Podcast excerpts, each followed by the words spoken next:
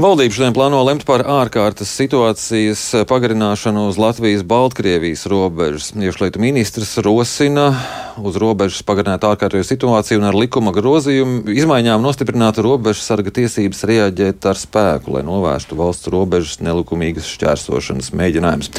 Kāpēc tas nepieciešams? Par to nākamajās minūtēs runāsim ar iekšlietu ministru Mārku Čīnski, kurš šobrīd ir mūsu studijā. Labrīt! Labrīt. Labrīt. Vispirms, kāda šobrīd šobrīd ir situācija uz robežas, kāda jums ir jaunākā informācija? Nu, katru nakti ir. Faktiski katru nakti ir mēģinājumi šķērsot. Pie tam tie nav tā, ka cilvēki tur kaut kā mēģinātu paši, bet uh, viņi tiek pievesti ar Baltkrievijas palīdzību. Tas ir gan pie mūsu robežas, gan mazāk pie Lietuvas šobrīd.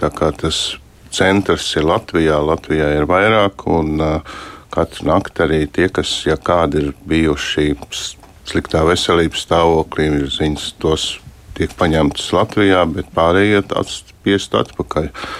Tā, tā ir jau tāda pierasta hibrīda kara epizode, un tas turpinās. Tāpēc mēs uzskatām, ka nekas ar Baltkrieviju nav beidzies. Mēs to nevaram saukt par kaut kādu jauno normalitāti, ka mēs tagad visu varam atcelt un, un uh, sākt savādāk diskutēt vai, vai uzņemt šos uh, cilvēkus. Nu, tā, tas viss turpinās, un kamēr būs Lukašenko, kamēr Baltkrievija būs šādā situācijā, mēs uzskatām, ka šādai ārkārtas situācijai ir jāpaliek. Tāpat spriež arī lietuvieši, un es vēlreiz varu teikt, ka mums ir ļoti jāsinhronizē savas darbības ar Lietuvas iekšlietu ministrijā, Lietuvas robežsargiem, jo mēs nevaram un nedrīkstam šeit parādīt, ka te kaut kāds caurums parādās, hei, jo mēs ļoti labi apzināmies, tad šis skaits, kas varbūt ir vakar astoņi vai aizvakar ar apmēram tāds skaits, kas mēģina cilvēku, tad viņš, protams, desmit un simtkāršosies. Tad būs sauciens, hei, šeit ir Latvijā caurums, un mēs nevaram prognozēt sekas, un kā mēs ar to tiksim galā. Tāpēc arī es valdībā eju ar priekšlikumu ka ārkārtas situācijai ir jāpaliek par atsevišķu likumu bez ārkārtas situācijas, kas ir atsevišķi viedokļi, ka tā var. Mēs pagaidām uzskatām, ka tādas iespējas mums nav. Protams, ārkārtas situācija ir trīs mēneši. Šajā laikā diskusijas var turpināties, ja var atrast kādas citas metodas, bet vēlreiz es atkārtoju, Latvija nedrīkst, mēs nevaram būt caurums. Tā ir mūsu drošība, tas ir mūsu eksistences jautājums. Jūs sakat, ka praktiski katru nakti, katru dienu ir šie mēģinājumi iekļūt naktīs. Jā. naktīs. Cik lielā skaitā tas notiek? Tas ir desmiti, simti pāris. Pagaidām tas ir desmiti, apmēram, kā var teikt, no kādiem dažreiz pat ir tikai pieci, dažreiz ir 30 un, un 40. Tie ir cilvēki, ko Baltkrievija ved pamēģināt pāriet Latviju. Latviju, pamēģināt Lietuvu, jo paralēli sinhroniski katru rītu saņem arī uh, informāciju no Lietuvas. Tur mazliet mazāk, bet arī iespējams tie ir tie paši cilvēki, un ne jau kājām viņi pārvietojas. Tātad. Par kuru valsts piedarīgajiem ir runa šai sakrā? O, eritrejieši, afgāņi, nu, faktiski ir cilvēki, kuri ir uh, nekādā ziņā nebēg no, no, no, no kaut kādām represijām vai vajāšanas. Tie ir ekonomiskie bēgļi, jo šis uh, ceļš un atbraukšana arī kaut kas, viņš ir saskaņots, par to ir samaksāta nauda. Bieži mūsu robežsargi ir novērojuši un arī aizturējuši šajā pusē mašīnas, kas tā kā ir devušās.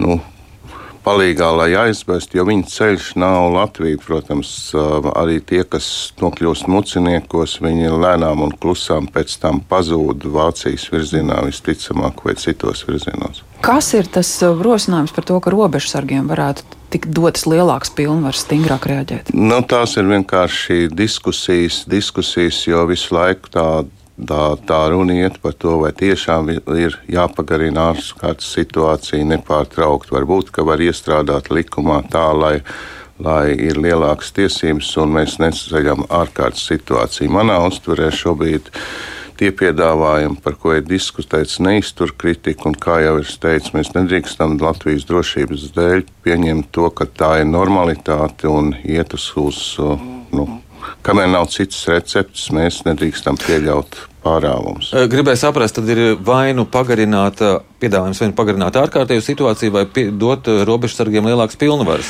Nu, Un at- iepriekšējā- ārkārtējo situāciju. Ā, Vēl iepriekšējā valdība, pagarinot ārkārtas situāciju, deva arī rīkojumu, iespējams, izskatīt vai nākt uz ministru kabinetu ar, ar piedāvājumu likumdošanas izmaiņām, dodot lielākas tiesības robežsargiem, lai atceltu ārkārtas situāciju. Šobrīd es, kļūstot par iekšlietu ministru, izskatot šos piedāvājumus, pasaku, nē, šie piedāvājumi nenodrošina Latvijas drošību, tāpēc es pagaidām prasu uz trīs mēnešiem vēlreiz ārkārtas situāciju pagarināt. Tāds Bet uh, ārkārtējās situācijas nozīme gadījumā nebija tikai tāpēc, lai varētu maksāt piemaksas. Nē, ārkārtas iemaksas šajā gadījumā nav galvenais. Ārkārtas situācija, un šobrīd mēs arī redzam, kāpēc, kāpēc uh, uh, Jēkabpilī valdība mēs neizšķīrāmies, ka tur būtu vajadzīgas kaut kādas izmaiņas, jo tur esošo likumdošanas, esošā likuma robežās visas darbības veids atbilstoši tiem noteikumiem, kādi ir.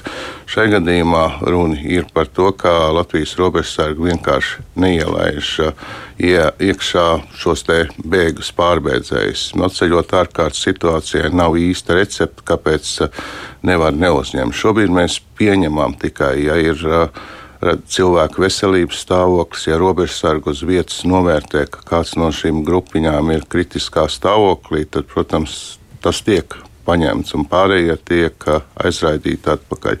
Tādā gadījumā, ja nav ārkārtas situācija, arī šī robeža ir pilnīgi atklāta. Mēs vairs nevarēsim pateikt, uh, pateikt nē, tur nedrīkst uh, staigāt cilvēki, tur nedrīkstēs nu, būt, būt tie, kas joprojām, kā mēs vērojam, ir cilvēki arī Latvijā, kur uzskata, ka tas ir normāli, ka mums jābūt viesmīlīgiem pret uh, šiem te ienācējiem. Mēs saņem vēstules, mēs zinām, ka pat uh, divi mūsu nevalstiskās organizācijas pārstāvji caur Baltkrievijas mežiem nāca iekšā un robežsargi viņus aizturēja. Viņi raksta, ka viņi Latvijas pusē nē, robežsargi šai gadījumā strādāja likuma ietvaros, ja ienāk kaut arī tie ir latviešu cilvēki un aiz kādām hunān, humānām cēlēm mērķiem, bet viņi ir šai brīdī robežu pārkāpēji.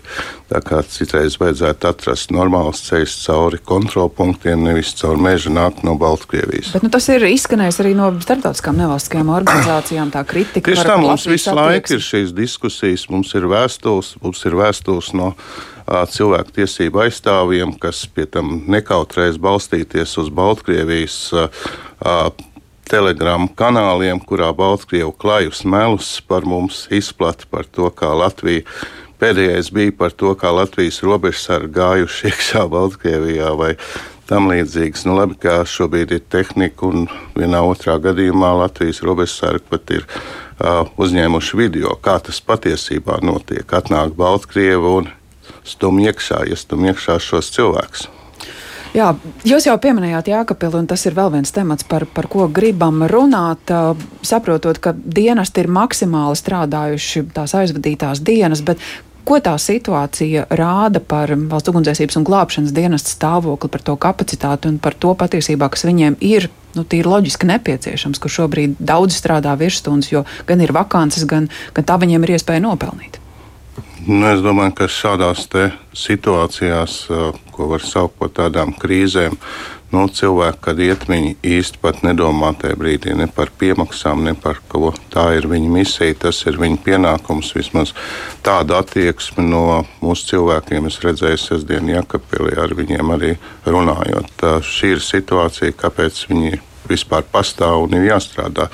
Jāatzīst, ka man ir iespēja salīdzināt uh, ar laikiem kaut kad atpakaļ. Es arī atceros iepriekšējos plūdus, kas, kas arī bija pļaviņās. Un, un tad, tad nu, vismaz tehniskā aprīkojumā un zināšanās mēs esam spēruši soli uz priekšu. Šis arī jāizmanto ir kā zināmas mācības, lai ietu vēl, vēl, vēl tālāk. Tā jautājuma būtība patiesībā mēs uh, vakar runājām ar valsts ugunsdzēsības un glābšanas dienesta priekšnieku vietnieku par reālo ikdienas situāciju, kur viņi samazina posteņu skaitu tādēļ, ka nav dienestā, kas strādā, kas ir cieši saistīts ar nepietiekamo algu līmeni. Nu, Vai Jā, tā, tā ir šī gada budžetu, tas risinājums Jā, tas, būs? ta, tas, kas man, protams, arī perspektīva uztrauc, arī, bet vārdos mums ir tā vienošanās arī, ka palielinot mūsu aizsardzības spējām, arī iekšējai drošībai ir jāiet roku rokā. Pretējā gadījumā mēs nevarēsim saņemt tik daudz darbinieku, nevarēsim koledžās uzņemt. Mēs vienkārši kritīsim ārā jaunie cilvēki, ies tikai uz ārmiju. Tāpēc mums jāiet roku rokā. Nu, palielinājums katru gadu, trīs gadu periodā augām iekšējai drošībai tāda vienošanās ir, un tas tiek uzsākts gan policija, gan valsts ugunsdzēsības glābšanas dienas, gan robežsargi. Šajā budžetā, ko es ceru, mēs arī pieņemsim, ir ļoti lieli ilgtermiņa līdzekļi šo um, katastrofu centru nostiprināšanai reģionos. Tās būs jaunas telpas, tās būs kopējas mājas ar neatliekamo valsts, ar neatliekamo medicīnisko palīdzību, reģionos arī ar policiju. Nu, es domāju, ka eh, ja tam tādā veidā, kā šobrīd pirmajos mēnešos valdība veltīs uzmanību, tad arī turpinājums sekos. Tas mums ir jānostiprina visos līmeņos, gan tehniski, gan, protams, arī ceļot augus. Mums jāsaka paldies jums par šo sarunu. Atgādinu, ka mūsu studijā bija iekšlietu ministrs Mārcis Kučīnskis. Paldies! paldies. paldies.